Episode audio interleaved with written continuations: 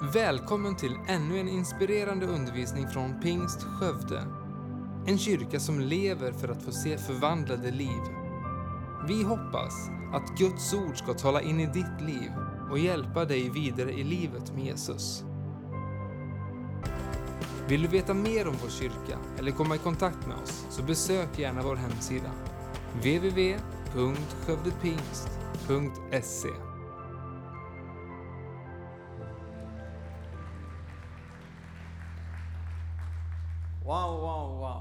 Olsson Band. Kan vi ge dem en bättre applåd?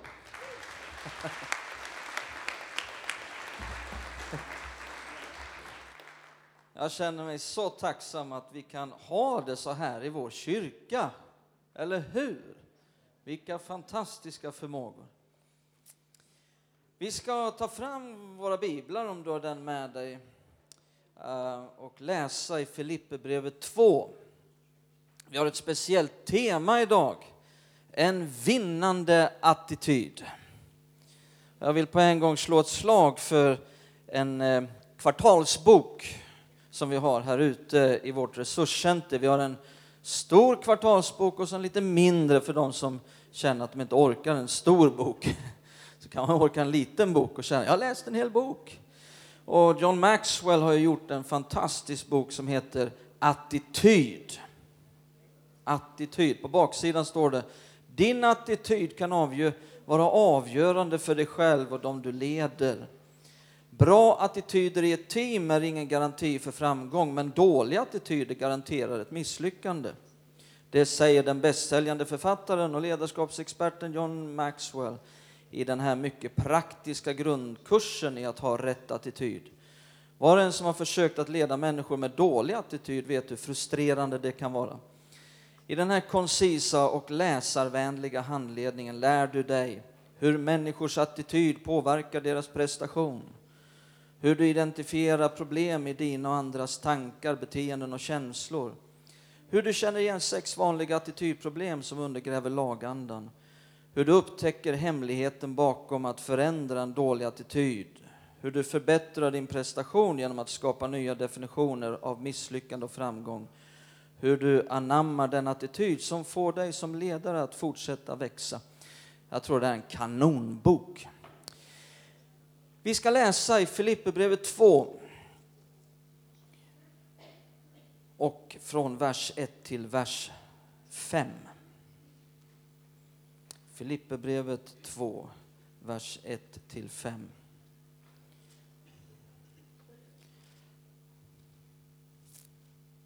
Men innan vi läser, så låt oss be tillsammans. Fader Gud, i Jesu namn, vi tackar dig att du är här just nu. Vi har inte kommit idag för att söka någon människa, lyssna på någon människas filosofier, utan vi vill, vi vill lyssna på dig. Vi vill höra från dig. Och vi tackar dig att du är en Gud som talar. Du är inte gjord av sten eller trä eller lera med en mun som inte rör sig eller inte talar, utan du är en Gud som talar. Och jag ber att våra hjärtan ska kunna höra dina ord. Jag ber att du ska ge ljus i vårt inre. Jag ber att din röst ska vara tydlig och klar för var och en. Jag ber om en uppenbarelsens ande. Jag ber att när vi går härifrån idag att vi ska känna att vi hörde från dig, att vi mötte dig, att vi såg dig. Jag ber att Jesus ska bli förhärligad. Låt ditt ord lysa över våra liv så att vi kan gå i din vilja, så att vi kan gå på livets väg, så att vi kan gå i dina planer. För du har fridens tankar för våra liv, till att bereda en framtid och ett hopp. Och vi vill leva i den framtiden, i det hoppet som du har för oss. Tack att ditt ord visar vägen. I Jesu namn. Amen. Då läser vi. Om ni nu har tröst hos Kristus, uppmuntran av hans kärlek och gemenskap i anden och medkänsla och barmhärtighet betyder något, gör då min glädje fullkomlig genom att ha samma sinnelag, och samma kärlek och genom att vara ett i själ och sinne. Var inte självupptagna och stolta, var istället ödmjuka och sätt andra högre än er själva. Se inte på ert eget bästa utan tänk på andras. Och så kommer det i vers 5. Var så till sinnes som Kristus Jesus var. Här står det att vi ska vara så till sinnes som Kristus Jesus var. Flera olika översättningar säger ha samma attityd som Kristus Jesus hade. Ha samma attityd som Jesus. Det här handlar alltså om attityder. Och attityder, rätta attityder är helt avgörande för ditt liv. Rätta attityder är helt avgörande även för Guds församling. Eh, min första punkt här är helt enkelt undersök din attityd. Jag kan slänga upp första bilden. Första punkten är att vi behöver helt enkelt göra en attitydsundersökning. Eh, jag tror att det kan vara väldigt viktigt att själv göra en attitydskontroll där man kollar av sin attityd. Där man är ärlig mot sig själv och, och frågar, går jag omkring med dåliga attityder som har smugit sig in? Vad har jag för attityd gentemot Gud? Vad har jag för attityd gentemot mig själv? Vad har jag för attityd gentemot omvärlden? Vad har jag för attityd gentemot människor i församlingen om jag är med i en församling? Eh, vad har jag för attityd gentemot församlingens arbete? Har du någonsin haft en dålig attityd? Jag tror att vi alla har haft det. Jag menar förr eller senare får vi väl alla kämpa med detta. Kom igen nu, var lite ärlig där, sitt inte och se så helig ut.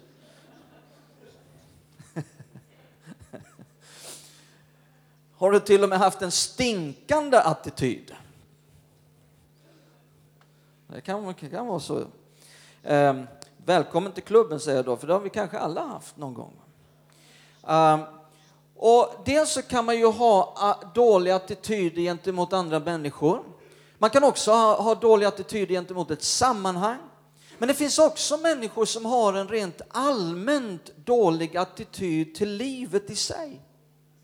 Och, och, och, därför har de väldigt lätt till att få dåliga attityder mot mycket i livet. Och det är naturligtvis helt förödande för en sån person. Eh, jag tog del av en, en profan läkarvetenskaplig attitydsundersökning. Det var väldigt intressant. Man hade undersökt hur människors attityder påverkar deras liv och hälsa. Och man kom fram till att eh, utsikterna för långt liv och god hälsa berodde häpnadsväckande mycket på, eh, eh, på attityder och eh, eh, mentala vanor. Eh, attityder såg man orsakar emotionella reaktioner som Eh, Eh, till väldigt stor grad påverkar immunsystemet, blodcirkulationssystemet och till och med kunde påverka eh, risken för att olyckor skulle inträffa. Eh, 1973, lyssna på detta ska ni få höra. 1973 så gjorde en doktor en mycket stor omfattande attitydstest nere i Heidelberg i Tyskland Tusentals människor ingick i denna attitydsundersökning. Eh, och genomsnittsåldern var 58 år. 21 år senare så jämförde den här doktorn testet med hälsan hos människorna. Och då såg han att eh, de som hade bäst poäng på attitydstestet hade 30 gånger större chans att vara vid liv än de som hade de sämsta poängen i attitydstestet. De 1200 som hade sämst poäng i attitydstestet, de delade han in i två grupper om vardera 600. En grupp på 600 fick en broschyr om hur man kunde få bra attityder och de fick också flera eh, eh, träningssessioner till att få bättre attityder. De andra 600 fick ingen hjälp. 13 år senare, så av de 600 som hade fått hjälp så var 409 fortfarande i livet. Men av de som inte hade fått någon hjälp så var bara 97 stycken kvar i livet.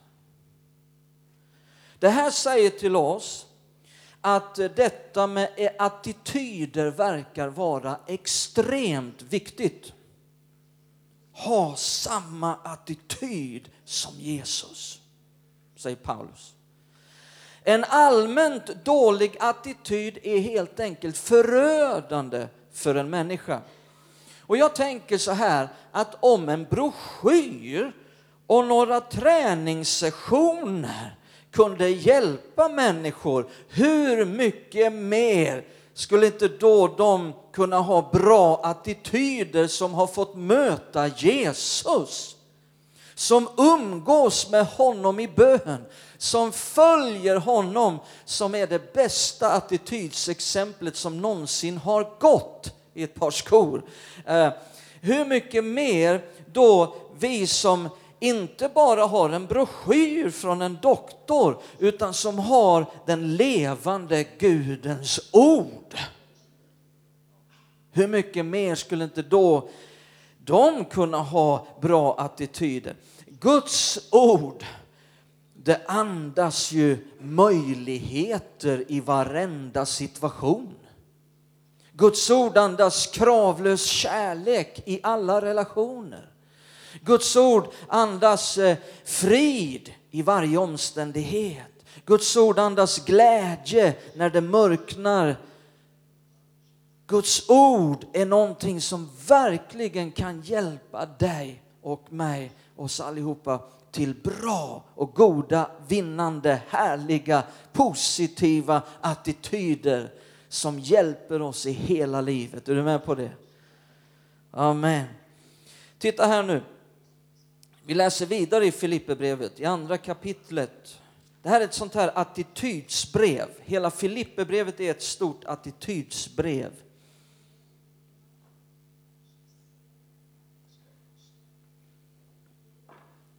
Hör vad Paulus säger i kapitel 2, vers 13. Ty Gud är den som verkar i er, både vilja och gärning, för att hans goda vilja ska ske. Gör allt utan att klaga. Där fick du en utmaning. Vilken attityd! Gör allt utan... Hur mycket? Ja, men ibland har man väl rätt att gnälla lite. Ja, det är frågan om det är rätt. Det hjälper ju väldigt lite. Gör allt utan att klaga. Vilken härlig positiv attityd. Tänk att få vara i ett sånt sammanhang där ingen klagar. Eller tycker du om att vara i sådana här sammanhang där alla gnäller och alla klagar och det är fel på allt? Nej, det är ingen som gillar det. Gör allt utan att klaga och tveka. Titta i kapitel 3. Vilken härlig attityd. Kapitel 3, vers 12 till 14. Inte som om jag redan har gripit det eller redan har nått det målet, men jag jagar efter att gripa det eftersom jag själv har blivit gripen av Kristus Jesus bröder. Jag menar inte att jag redan har gripit det, men ett gör jag. Jag glömmer det som ligger bakom och sträcker mig mot det som ligger framför och jagar mot målet för att vinna segerpriset, Guds kallelse till himlen i Kristus Jesus. Vilken härlig attityd. Jag glömmer det som ligger bakom. Jag sträcker mig framåt, jag jagar framåt. Din attityd avgör din förmåga. Det är min andra punkt. Efter att vi har gjort en attitydsundersökning så måste vi konstatera att din, din attityd avgör din förmåga. Vi skulle kunna ha David och Goliat där, men jag valde den här bilden istället. Ehm, David han hade ju en sån här fantastisk vinnande attityd, eller hur? När han gick emot Goliat. Ehm, och Paulus, han hade en vinnande attityd. Paulus kunde inte stoppas. I varenda motgång så såg han en möjlighet. Men det finns ju människor som bara ser problem i varenda möjlighet. Sen finns det de som ser möjligheter i varenda problem. Det finns en del som är väldigt problemfixerade, sen finns det andra som är lösningsorienterade. Det finns de som är så problemfixerade så att du, om du kommer och, och föreslår vissa lösningar så blir de bara irriterade. Det handlar om attityd. Din attityd kan hindra din förmåga. Du kan ha massor av talang, du kan vara jätteduktig på ett visst område, men om du har en negativ attityd så kan det hindra dig att göra det du annars skulle kunna göra utan problem. Om vi tar det engelska fotbollslandslaget som ett exempel. 2001, för 14 år sedan, då låg det engelska fotbollslandslaget sist i kvalgruppen till VM efter länder som Albanien. Efter två katastrofmatcher. Och de, deras attityd var i botten. De hade sån dålig attityd. Och så kom Sven-Göran Eriksson in i bilden, blev förbundskapten. Och på den första presskonferensen så talade han ut utan att blinka. Vi kommer att gå vidare till VM. Journalisterna snurrar på skallen och men de gick vidare till VM och de gick ända till kvartsfinal, utslagna endast utav Brasilien som senare gick vidare och vann VM. Sven-Göran Eriksson fick deras attityd att fullständigt ändras. I EM 2004 så gick de till kvartsfinal. I VM 2006 gick de till kvartsfinal. Det blev ett helt annat lag. Media var efter Sven-Göran Eriksson, de var, pressen var efter Sven-Göran Eriksson och fotbollsspelarna i det engelska fotbollslandslaget de vädjade till den engelska med, media att låt honom vara. Vi har fått ett fungerande fotbollslag. Vi har det jättebra nu. Din attityd avgör hur väl du utför saker. Till exempel en elev kan ha toppbetyg, men sker det en attitydsförändring så kan betygen börja rasa. Din attityd avgör hur väl du utför saker. På, på samma sätt så kan du ha en kallelse från Gud, du kan ha gåvor från Gud. Och där kommer din attityd att vara en oerhört viktig ingrediens för om du kommer att lyckas eller inte. Människor mister jobbet på grund av attitydsproblem. Människor missar befordran på grund av attitydsproblem. Äktenskap raseras på grund av attitydsproblem. Det vill säga, det som händer i oss kommer snart att påverka vårt yttre och hur vårt liv gestaltar sig. Vår attityd idag påverkar vår framtid och vår slutdestination. Vi måste fråga oss vilken attityd är rådande i våra liv? Vilken attityd är rådande i vår församling? Du kan få vara med och vara en underbart härlig, positiv attitydsförstärkare. Halleluja. Som förstärker en vinnande Jesus-attityd. Och jag tror att när vår församling fullständigt impregneras och genomsyras av en härlig, positiv, vinnande Jesus-attityd, eh, då kommer också väsentligt möjligheten att öka för det som vi så mycket önskar, vår vision, förvandlade liv, att det är en verklighet. Jag tror attityder är helt avgörande. Vi går fram ett kapitel till. Det sista kapitlet i Filipperbrevet, Filipperbrevet 4.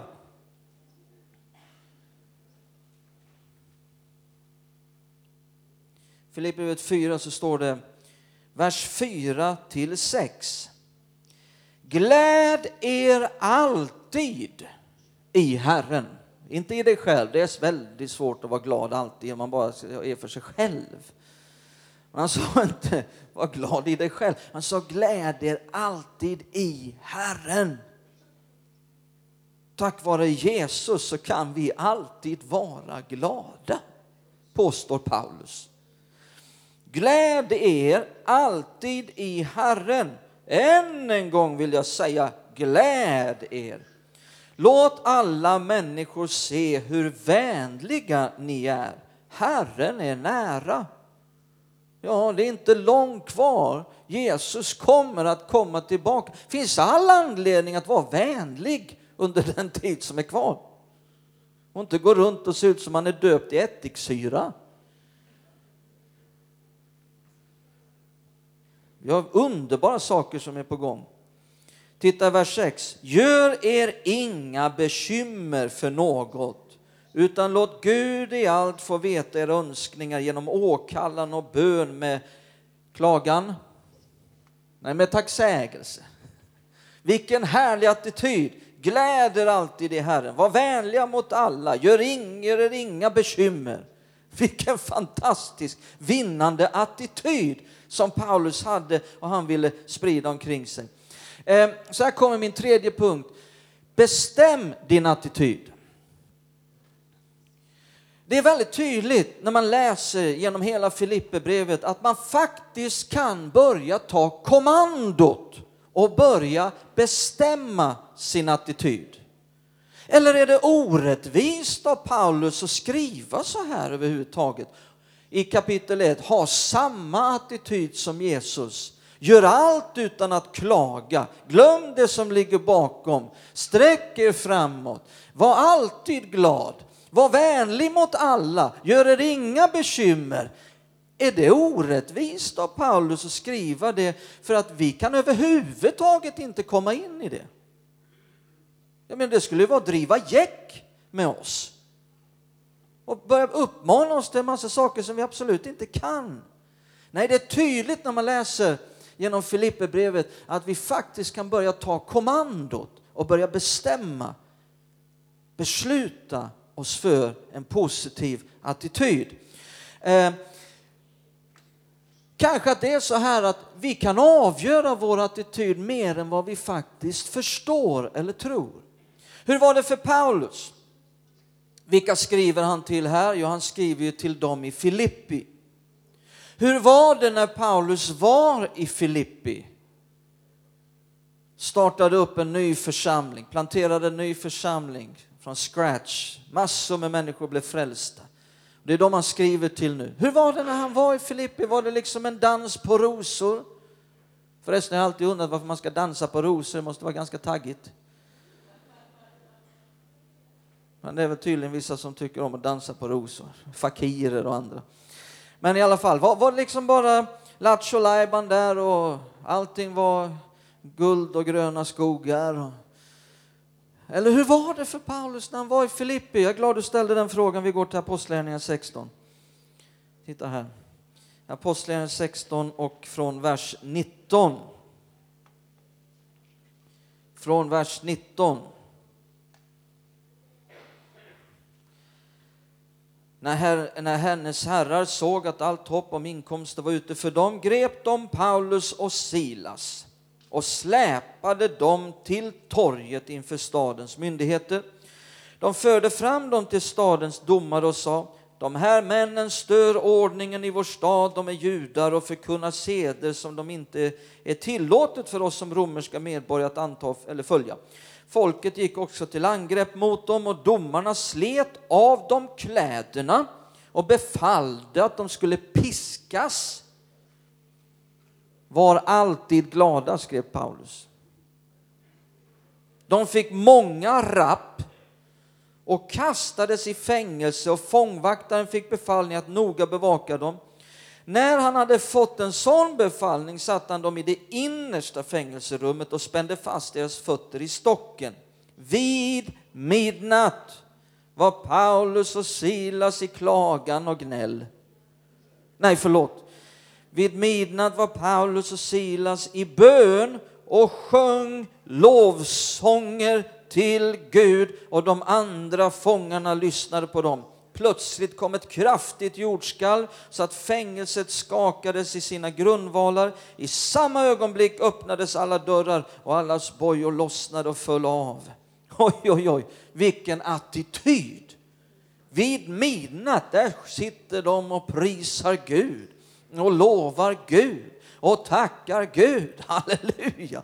Och de andra fångarna lyssnar på dem. De måste ha trott att de var från vettet.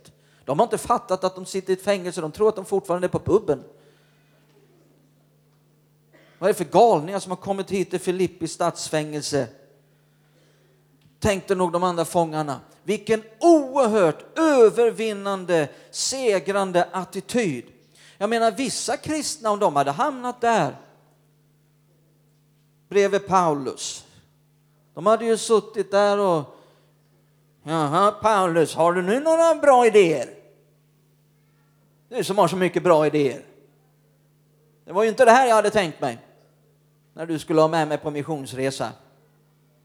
Du sa ju att vi skulle liksom starta nya församlingar och det skulle liksom växa och det skulle bli så mycket underbart. Och titta nu var, var vi sitter. Ja? Jag skulle ha lyssnat på min mamma. Hon varnar mig för dig. Titta nu vad du har ställt till med. Hur ska vi komma ur det här nu? Och, och, och, så hamnar vi i det innersta fängelserummet dessutom. Stinker här inne. Och ingen mat får vi heller. Jag är jättehungrig. Har du någon mat? Nej, det har du inte.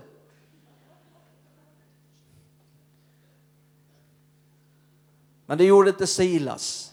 Han hade blivit smittad av Paulus underbara vinnande attityd. Paulus han hade en sån stark, positiv, vinnande attityd att den smittade av sig och påverkade andra till goda attityder. Har du märkt att attityder är smittsamma? Vi kanske eh, behöver se upp med vilka attityder vi smittas utav. Attityder är smittsamma. En attityd är ju en inre känsla som uttrycks genom ett beteende. Därför märks en attityd utan att man säger någonting.